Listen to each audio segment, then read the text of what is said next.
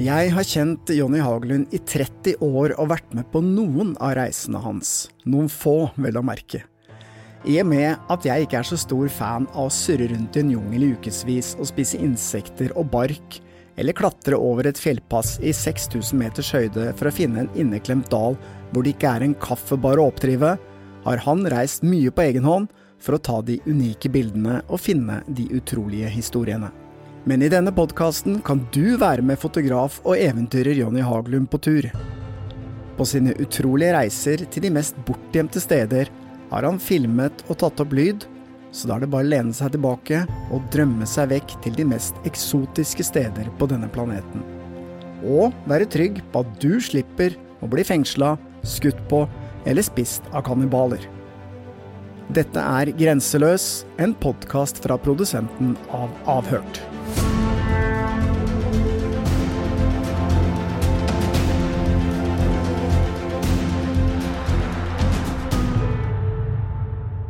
Jeg heter eh, Stein Morten Lier og har eh, gjort mye rart opp gjennom livet, men ingenting i forhold til min gode venn eh, Jonny Haglund, som har reist verden rundt i mer enn 30 år på steder som du mest sannsynligvis aldri kommer til å besøke. Og han har opplevd ganske mye. Han har satt livet sitt på spill x antall ganger for å dokumentere alle de kontrastene og alle de fine tingene som finnes eh, på denne jorda, som igjen de færreste av oss noen gang kommer til å se eller oppleve. Men i denne podkasten, Jonny, så skal du dele, og du skal la lytteren, og du skal la meg ikke minst, få lov å være med på disse turene, for du har jo gjort mye opptak mens du har vært på tur. Ja, det er, ja. Og så jeg har jo reist mye de siste 30 åra. Jeg har vel reist egentlig siden 1988, så jeg har vært på tur mellom tre til seks måneder hvert eneste år. Det er utenfor Norge, da, og så har jeg i tillegg også reist en del i Norge, selvfølgelig. Så mm, jeg jakter jo altså Jeg er jo nysgjerrig på alt som er, og, og altså jeg, Særlig mennesker da, finner jeg, syns jeg er spennende å møte mennesker som lever litt annerledes enn oss. Eh, det bør ikke være geografisk langt unna, det kan være til og med her i Oslo. ikke sant? Men, men det er det jeg jakter på hele tiden. Og men etter 33 år eh, Jeg har jo fulgt deg kanskje, jeg vet ikke hvor lenge jeg har vært kompiser nå, 20 år i hvert fall. Uh, ja. Kanskje enda lenger. Men, uh, men uansett så, så, har jeg jo liksom fulgt deg litt Jeg har vært med på noen turer, kanskje ikke de mest heavy turene, men i hvert fall vært med litt. Flesteparten av de turene dine er ikke noe for meg, altså. Det skal jeg ærlig innrømme. Det, det, er litt for lenge og litt for primitivt av gangen. Men, men det som jeg syns er litt fascinerende, som du kanskje kan si et par ord om, og det er jo at de aller fleste mennesker tenker at hvis de skal oppleve eventyr, så må de reise veldig langt. Men sånn tenker ikke du. Nei, ikke i det hele tatt. Altså, jeg finner jo ting i Oslo jeg, som er nesten eh, kan si uoppdaga. Vi fant jo bl.a. en uh, tunnel under Ullevål sykehus hvor det neppe har vært folk på kanskje 60-70 år, fordi at det var dryppstein som datt ned fra taket i den gamle tunnelen. Uh, og den, uh, Vi snakka med en sånn grotteforsker, han mente at det ville ta kanskje 70 70 år, 60-70 år for dem å, å gro så, så blitt så lange. da.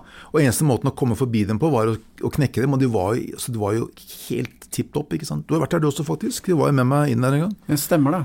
Stemmer det. var da vi uh, var så bekymra for ja, at det skulle være noe giftige gasser og greier. Ja, ja, riktig. Og så ble vi anmeldt etterpå. Jeg ble anmeldt etterpå. Det er jo, hører med til historien. De krabber rundt i Oslos gater, under Oslos gater. Men altså, poenget er at det er eventyr overalt. Også, faktisk. Bare, du må bare se, du må bare leite, og så må du lytte, selvfølgelig. da. Og så er jeg heldig, jeg har jo kamerater som er i sånn som Oslo Underground. er en del, Det er stort sett unge karer, da, men de også er veldig nysgjerrige på hva som er under Oslo. Under, under, bakken. Egentlig overalt, da, også i Paris og andre, land, eller andre byer også og hele verden. Så, og de kommer stadig vekk med innspill til meg. Og De er litt lukka, de, liksom ikke, de, de avslører ikke alt. Og I hvert fall ikke til hvem som helst. Så jeg er veldig heldig som har fått et, fått et innpass der, for de kommer med mange godbiter innimellom også. Og så er det selvfølgelig også Norge har jo veldig mye spennende. ikke sant? Jeg var nylig på Senja og var med en fisker ut på skreifiske. Det er, det er så det er, altså det er, eventyr. Eh, og særlig for, for meg som, som, kommer fra Oslo. ikke sant? Så ut i, uh, bodde jeg i en fraflytta bygd oppe på Senja med, et hus som var fra 1886. Og, og så den følelsen av hvordan det var å være nordmann for over 100 år siden. Altså, det er noe jeg tenker på stadig vekk, særlig når jeg reiser til Norge og langs kysten. at det, det syns kanskje ikke så godt nå på, på denne dagens liksom, Vår generasjon med nordmenn har vært eh, det er tøffe folk, også et tøft folkeslag. Å bo på Senja for over 100 år siden uten noe særlig kommunikasjon, ikke noen veier, og leve av fiske altså Det var beinkaldt, hardt arbeid. Og sånne ting fascinerer meg. Å grave litt i sånne historier syns jeg er veldig spennende. Men uh, du må jo si litt om meg, for det jeg liksom alltid lurt litt på. Vi har snakka litt om det, men likevel. Eh, hvis jeg skulle reist et sted, så veit jeg hvordan det hadde blitt. Jeg kunne godt reist til Namibia, liksom. Surra rundt i en eller annen by der og leit etter en uh, kafé, tenker jeg. Det var det jeg hadde holdt på med. Uh, det er jo ikke bare å Du må jo finne disse historiene. Du må jo gjøre en eller annen jobb for å vite hva du skal leite etter. Hvordan gjør du det egentlig? Altså det er jo um, klart, Nå har jeg reist så mange år, og jeg har jo kontakter i veldig mange land. Og, og jeg prøver også å pleie de kontaktene så godt jeg kan. da. Sånn som f.eks. nå under pandemien, så har jeg sendt fra meg kanskje 10 000-12 000 kroner i støtte, da, fordi veldig mange av dem de lever som tolker og sånne ting. Og det er jo, fra, som, det er jo ikke turister lenger. ikke sant? Så, så, og Det gjør at du får en, et bra forhold til dem, og de hører om ting. ikke sant? Og når de hører noe som de, de kjenner meg såpass godt at de vet kanskje hva jeg er interessert i, og så sender de meg en mail. Eh, 'Jonny, nå hørte jeg om dette her', eller noe, melding på WhatsApp. Og, sånt, og, så, og, og sånn får jeg vite om ting som kanskje ikke er så kjent i vår del av verden. da. Det er én måte å gjøre det på. Ja, I denne første episoden skal vi til Papua. Hvor i all verden er det? Også Papua er den indonesiske delen av øya Ny-Guinea. Ny-Guinea er verdens nest største øy etter Grønland, og delt i to. Og så er det da Papua Ny-Guinea, som eh, er et selvstendig land. Og så er det da Papua, da, som da tilhører Indonesia, en indonesisk provins. da. Det har jo vært eh, Jeg har vært der mange ganger. Jeg var der første gang i 1990, faktisk, og det har vært en del konflikter, fordi at eh, mange av de opprinnelige innbyggerne ønsker jo at Papa skal være selvstendig. Men uh, du sier at det har vært der mange ganger. Uh, det var jo en grunn til at du ville reise tilbake denne gangen, men jeg husker du fortalte meg at det første gangen du var på Papua, så, så måtte du stikke av fra noen kannibaler for å ikke bli spist. Ja, altså Det var faktisk ikke første gang, men det var da i, det var vel tilbake i 1996. Og eh, du kan si kannibaler. også Du veit at eh, jeg så jo aldri noen eh, kannibaler. Også hvordan ser en kannibal ut, f.eks. Det veit jo ikke jeg. Og, men eh, poenget er det at jeg var langt inn i regnskogen. Det var da sør eh, på Papua, i eh, Asmat-regnskogen, altså flat jungel og veldig varmt og alt det der sånn. Der finnes det jo mennesker som lever oppi trærne, korovaine, korovai-batuene. Og jeg ble fortalt da, av mine kjentmenn, altså de som var med meg, at hadde, vi hadde brutt noen lover som da uh, førte til at uh, vi nå vil bli drept og spist, fortalte de til meg. Og klart at jeg så aldri noen gryte eller noen andre, noen som ville med kniv og gaffel, men, men, du blir jo på en måte, og jeg må jo innrømme at til å begynne med så tenkte jeg ja ja, ikke sant, så det, overtro, det er masse overtro her, ikke sant, det må jeg være klar over. Eh, men du blir likevel grepet litt av panikk når du ser de som er med deg, som er derfra, når de er livredde. Så blir du også grepet av det. Så, så ja, vi, vi, måtte snu og komme ut av territoriet til folkene. og så så man kan jo si at jeg var på flukt fra kannibaler. Hvis du drar eh, strikken veldig langt, så, så, kan man kanskje tolke det dit hen, men eh, var på flukt, det, var, det, kan jeg vel si. Eh, det skjedde jo aldri noe, men det var fire dager hvor jeg sov eh, lite og gikk mye. Og jeg blei ble redd, jeg også. Jeg, ble, jeg, visste jo ikke hva det var eh, som var bak oss. Ja, så det er, det er, ikke som en sånn film hvor du løper gjennom skogen med noen eh, bak deg med bein i nesa som hyler og skriker. Nei, det er ikke sånn. Nei, men kanskje mer ekkelt, fordi at ja. du ikke visste Nei, altså, de kunne jo bare dukka opp når som helst. Ja, mm. altså jeg, jeg, visste ingenting. Og det, det rare, det, det, husker jeg veldig godt, det skrev også jeg skriver også dagbøker for reisene mine, at jeg hadde den følelsen av at det var noen som var bak oss hele tiden. Jeg så aldri noen, men det var en sånn følelse. Og så husk på at det, altså sånne eh, som man har lest om i, i, i forskjellige Donald Ducker og sånt, hvor morderiske kannibaler, altså det, det, har vel egentlig aldri eksistert. At de har spist eh, andre mennesker fordi, altså som religiøst ritual samtale eller den type ting, eller spist deler av mennesket, det har, ja, det har foregått det er mange steder i verden, faktisk, da, for å, blant annet på Ny-Guinea. Ja, så du står ikke oppi gryta mens Nei, det er ikke den der tegningen hvor du ser Pondus, hvor du står oppi gryta med salt og pepper, og så står det to karer rundt der og med smekk og kniv og gaffel. Nei da, det er, det er ikke sånn. Men i hvert fall altså, så var det en, husker, det var en ganske ubehagelig opplevelse. Det var det. Men denne gangen så skulle du altså reise tilbake og gå den samme ruta, var det sånn? Ja, det var det som var eh, planen, og det gjorde vi også, eh, eh, oppe i fjellene der sånn. Men det som var eh, det som eventyret starta faktisk lenge før det, fordi at eh, nå har det blitt lagd en vei som kalles for Transpapa Highway. Da, for å, highway det er ikke helt riktig, for å si det sånn, eh, for det er ingen highway. Men det visste ikke vi. Vi bare var fortalt da, i Jayapura heter det stedet hvor vi flyr inn da, fra Jakarta. Det er en fem timers flight fra Jakarta for østover da, for å komme til Jayapura ved kysten. Og Tidligere så fløy vi da, derfra inn da, til midten av Papua, til en by som heter Vamena i Baljemdalen. Det har eh, alltid vært eh, fly dit. Men nå har de da åpna en vei da, som de har jobba med mange, mange år. Og nå tenkte jeg tenkte at det, det må være mulig å kjøre den veien, så vi jobba lenge i Jayapura for å finne en sjåfør som kjente veien, og som kunne kjøre oss. Og så var det selvfølgelig da snakk om penger og sånt noe, men etter hvert så fant vi en fyr Eh, Eki han eh, har kjørt den ruta mange ganger, og til å begynne med så, så sa han jo ingenting. Vi spurte litt om hvordan det er, og ja, det er bra, sier han. Ja, ja, tenkte jeg, og Alex også, så vi ordna opp, kjøpte masse mat og sånt, og så satt vi av gårde i den bilen, da. Ja, Alex, sier du, du dro altså på tur sammen med Alexander Gamme, ja, som riktig, er litt eventyrer også? Han er eventyrer så det holder, han også, men det er stort sett polare strøk han har vært i. Men uh, nå har han også fått kjørt seg i litt tropiske strøk, det kan jeg trygt si. Hvordan gikk det? Ja, Det gikk veldig bra, det også. Alex han er, eh, han er eh, enkel sjel, han. så han han er vant til å ha det ubehagelig, han i plager ikke han det. Det var ikke sånn sutring som jeg nei, kom med da jeg var med deg på tur? ja, nei, jeg tror ikke du hadde likt av der, det kan jeg, det kan jeg trygt si. Nei, jeg har jo vært med deg eh, noen få ganger på tur, blant annet i Peru og litt inne i jungelen og sånn. Jeg må jo si at eh, jeg syns ikke det var sånn kjempegøy. nei, nei, og det var jo en ganske behagelig tur i forhold til dette her også, fordi fordi ja, det begynte fint, ikke sant. Eh, asfalt, og vi fløyt innover i regnskogen, ikke sant. Det er jo fantastisk å kjøre der. For det, det, er, altså, selvfølgelig trist at en bygger vei inn, syns jeg, for det her er jo et virkelig et enormt jungelområde, ikke sant. Men når det er sagt, da, så, så er det så klart at det er jo skli over den asfaltstripa gjennom tjukk regnskog.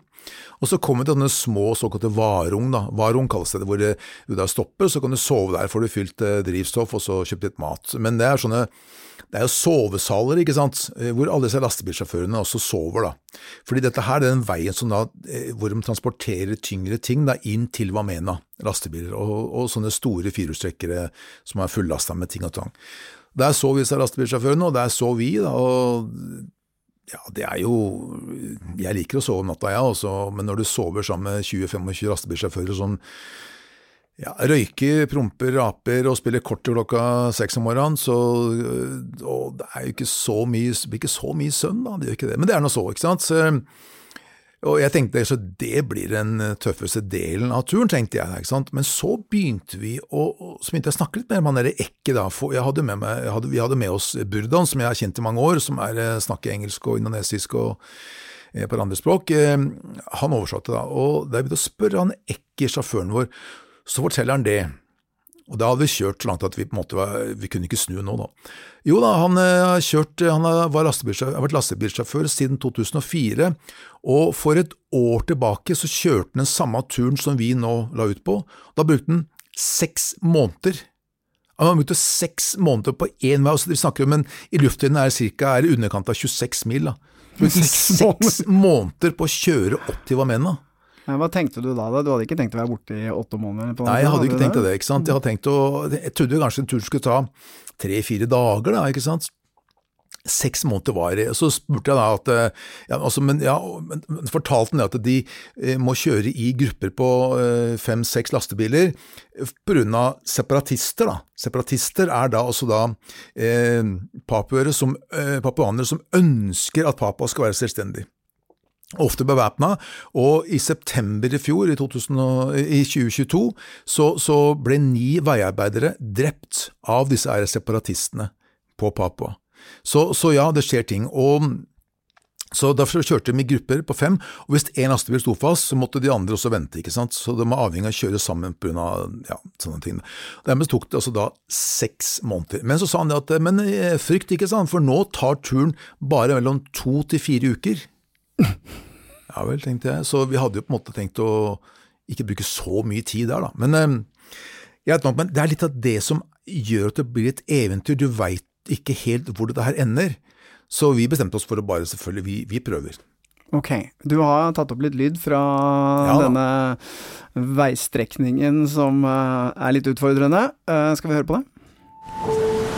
Nå har vi fått tak i en svær firehjulstrekken Toyota Hilux, med solide hjul og høy bakkeklaring. Det trenger vi visstnok for å komme inn til eh, opp til Bamena. Det tar tre dager, sier han, å kjøre hvis vi er heldige. For det er mye leire, og det er regntiden også. Det er mye leire og gjørme på veien, og det er dårlig vei. Deler av veien er veldig dårlig, men så er deler også visstnok veldig bra. da. Uansett så er bilen her rigga for på det ene og andre. Den har kraftig hjul som sagt, og bakkeklaring. Og så har den vinsj i tillegg. Det eneste vi ikke veit ennå, det er hvorvidt sjåføren kan kjøre bil ordentlig. Det finner vi ut snart.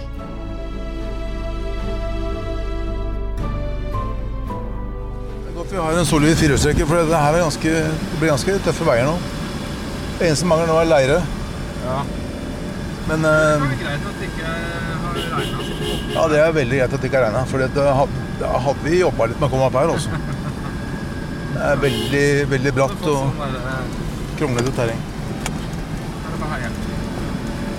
Men uh, sjåføren vår han lever, han, så han kan kjøre bil. han. Det er ikke første gangen han sitter bak rattet på den tralla, skjønner. Men jeg er glad Jeg er glad det ikke er jeg som kjører.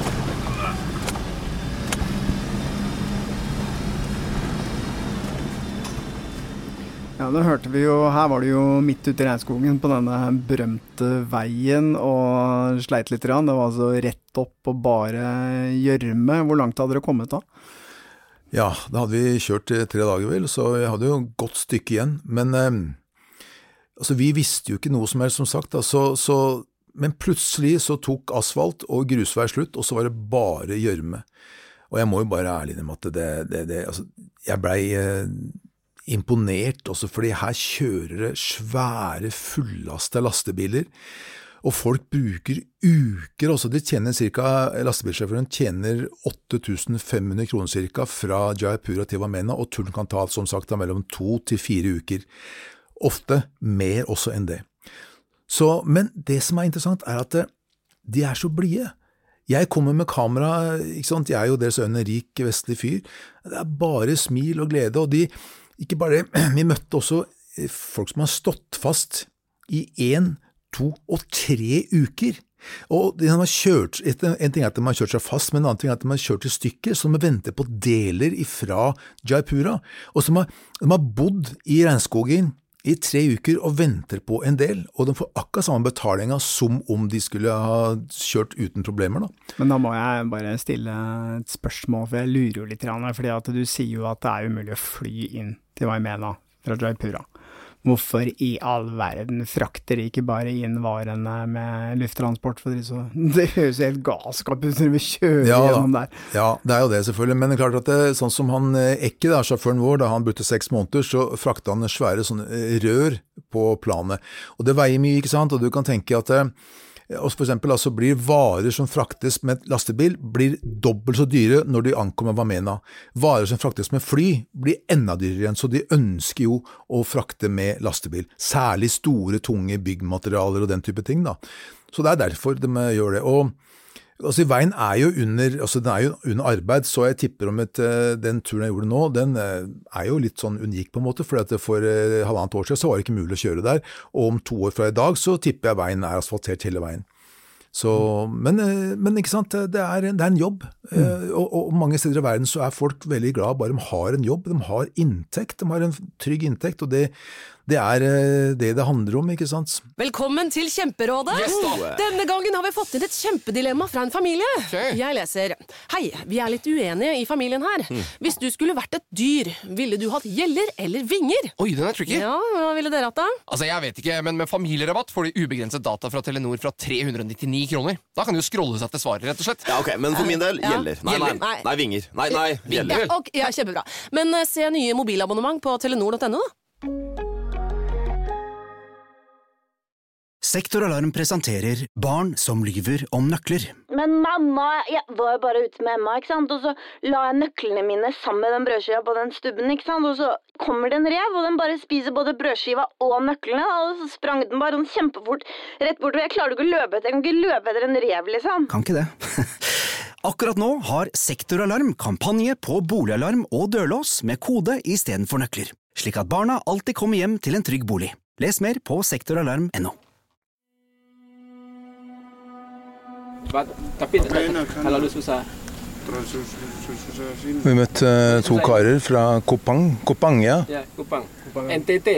And, Nusa and Tenggara Timur. they've been stuck for three weeks in the jungle. Ya. Three weeks. What are they waiting for? Uh, parts to the truck or Yeah, they have line. Must be follow the first one before uh, they return. so the, their truck is still working, but the other trucks in the group is not working. Is that what you say? Yeah, they have a line behind for the another truck, so Yeah. must be move and they move too. Okay, so they have another truck now helping them to get loose. Yeah. So they're stuck in the mud, Stop in the, uh, not in the mud. just between. Yeah. The, yeah. I was- Just entry, waiting a long line. oh. And how long you think they're gonna? How long do they think they're gonna stay? More until they're finished?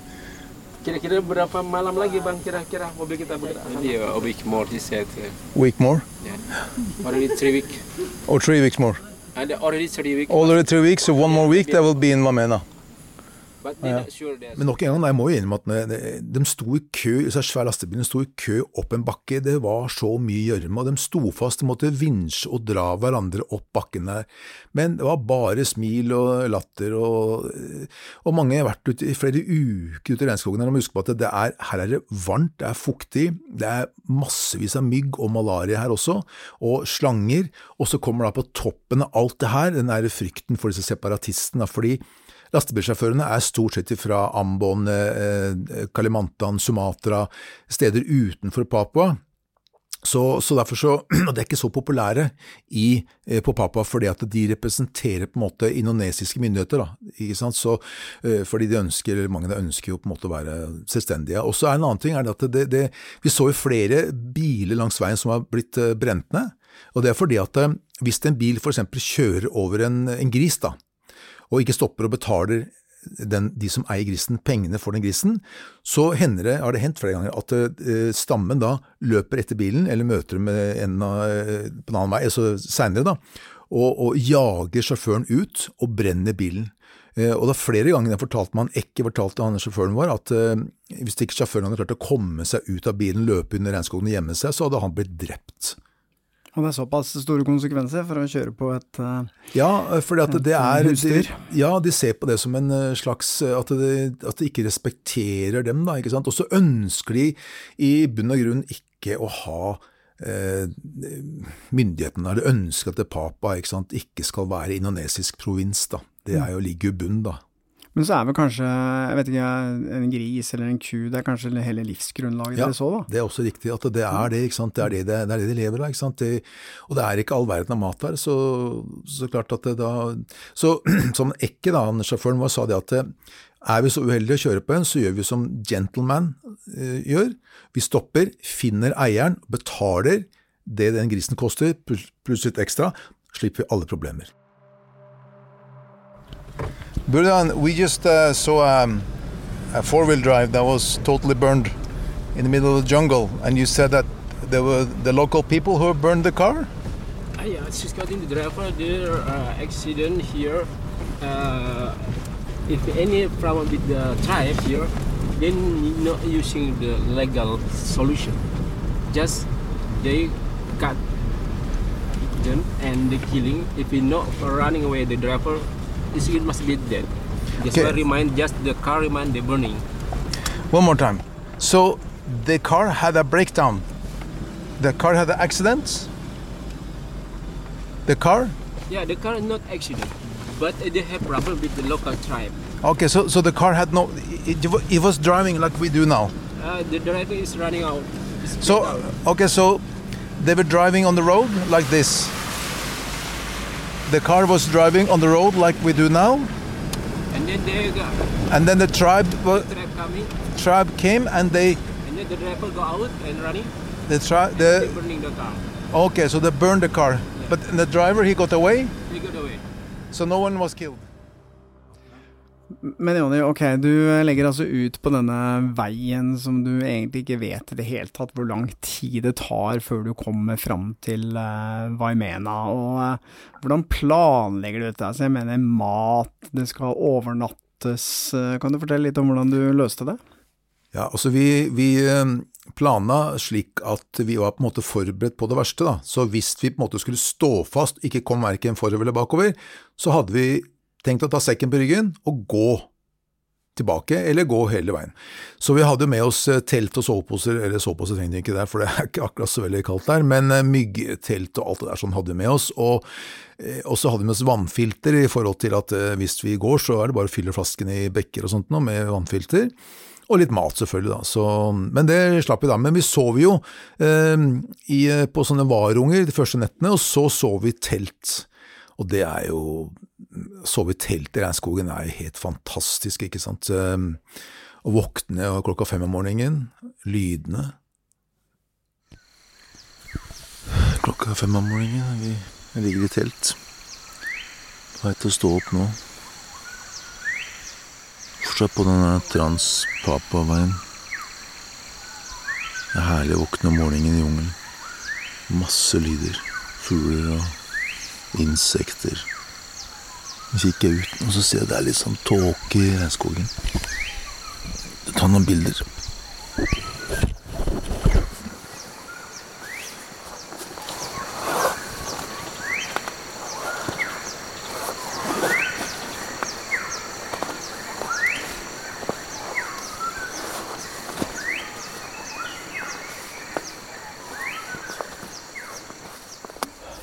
Ja, men denne veien som dere da kjørte, var jo egentlig bare for å komme fram til utgangspunktet for den turen du skulle ta. Ja. Dette blei jo en del av reisen, dette også, men det var jo egentlig en transportetappe Ja. for deg, da. Men ofte så er sånt, eh, veien eh, mer spennende enn målet. Altså. Så og i tilfellet her sånn, så var det i hvert fall veldig Det var en eh, det var uventa at det var så spennende. eh, Og både Alex og jeg elsker jo sånne ting, ikke sant.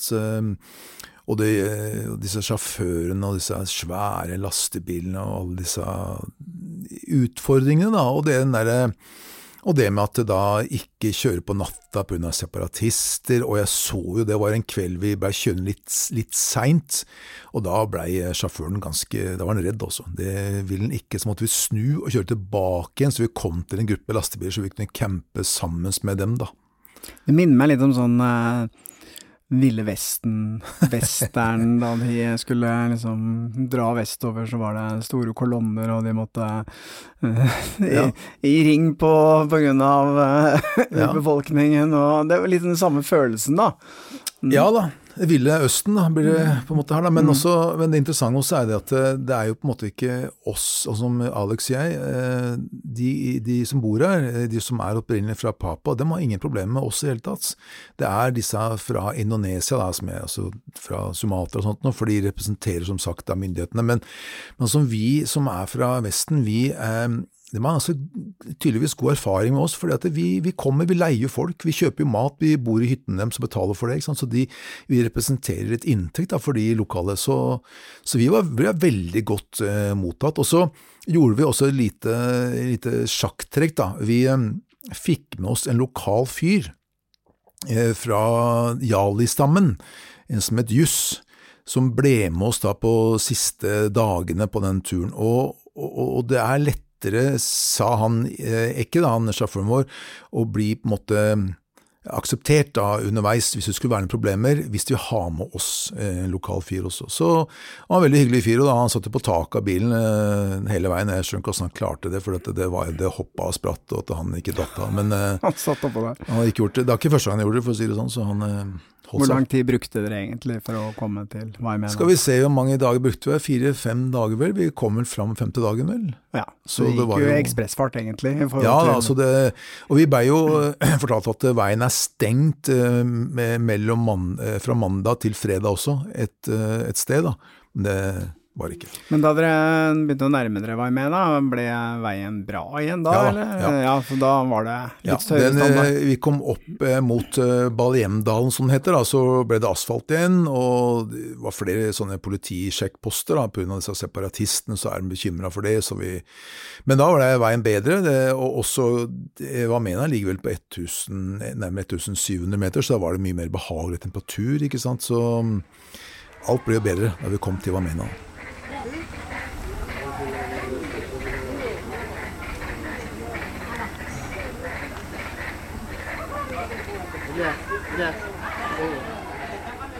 Hvordan var det å komme tilbake igjen til uh, Vaimena i forhold til hvordan det var der sist? Ja, Hadde det- skjedd store ting?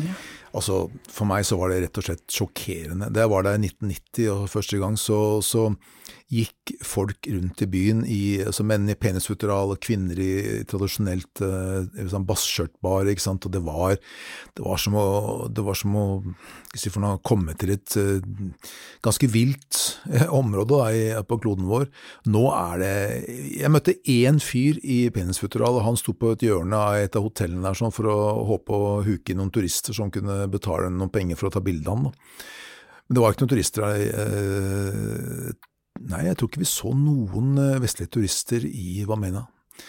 Og nå er det Byen har vokst vanvittig. Eh, Da jeg var der første gang, så også andre gang og tredje gang faktisk, så var flyplassen i Vamena Det var ikke noe gjerde rundt. Det var en sirene som gikk hver gang flyet skulle ta eller skulle lande, sånn at alle griser og mennesker kunne flytte seg fra flystripa. Nå var det gjerde rundt. Gjerde. Så det, det er en enorm forskjell også, siden jeg var der første gang. Så tiden hadde ikke stått eh, stille der, men uh, i neste episode så skal du jo legge ut på selve den turen du hadde planlagt, nemlig å gå den ruta du gikk for 30 år siden, og du har jo tatt opp eh, masse lyd fra den turen òg, det skal vi høre på neste gang.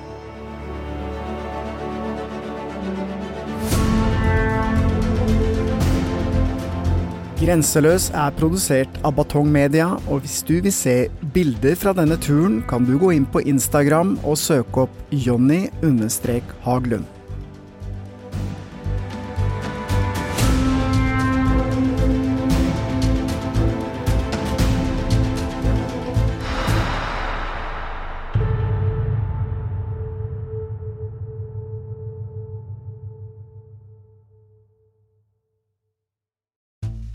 Vi i Rema 1000 kutter igjen prisene. Nå på en mengde påskefavoritter. For eksempel kutter vi minst 25% på 2 ganger 600 gram grillpølser fra Gilde, 10-pakk Chicago pølsebrød fra Hatting, 7-pakk tulipaner og andre påskefavoritter. Alt dette og enda flere priskutt på minst 25 For det er sluttsummen på påskehandelen som teller. Og husk at vi fortsatt har fryst prisen på over 1000 varer. Nå er det påskesalg hos Ark. Du får 30% på påskekrim og 40% på alle spill og puslespill. Jeg gjentar Ark har 30% på et stort utvalg krim og 40% på spill. Det er mye påske for pengene. Så hamstre påskekosen i nærmeste Ark-butikk eller på ark.no.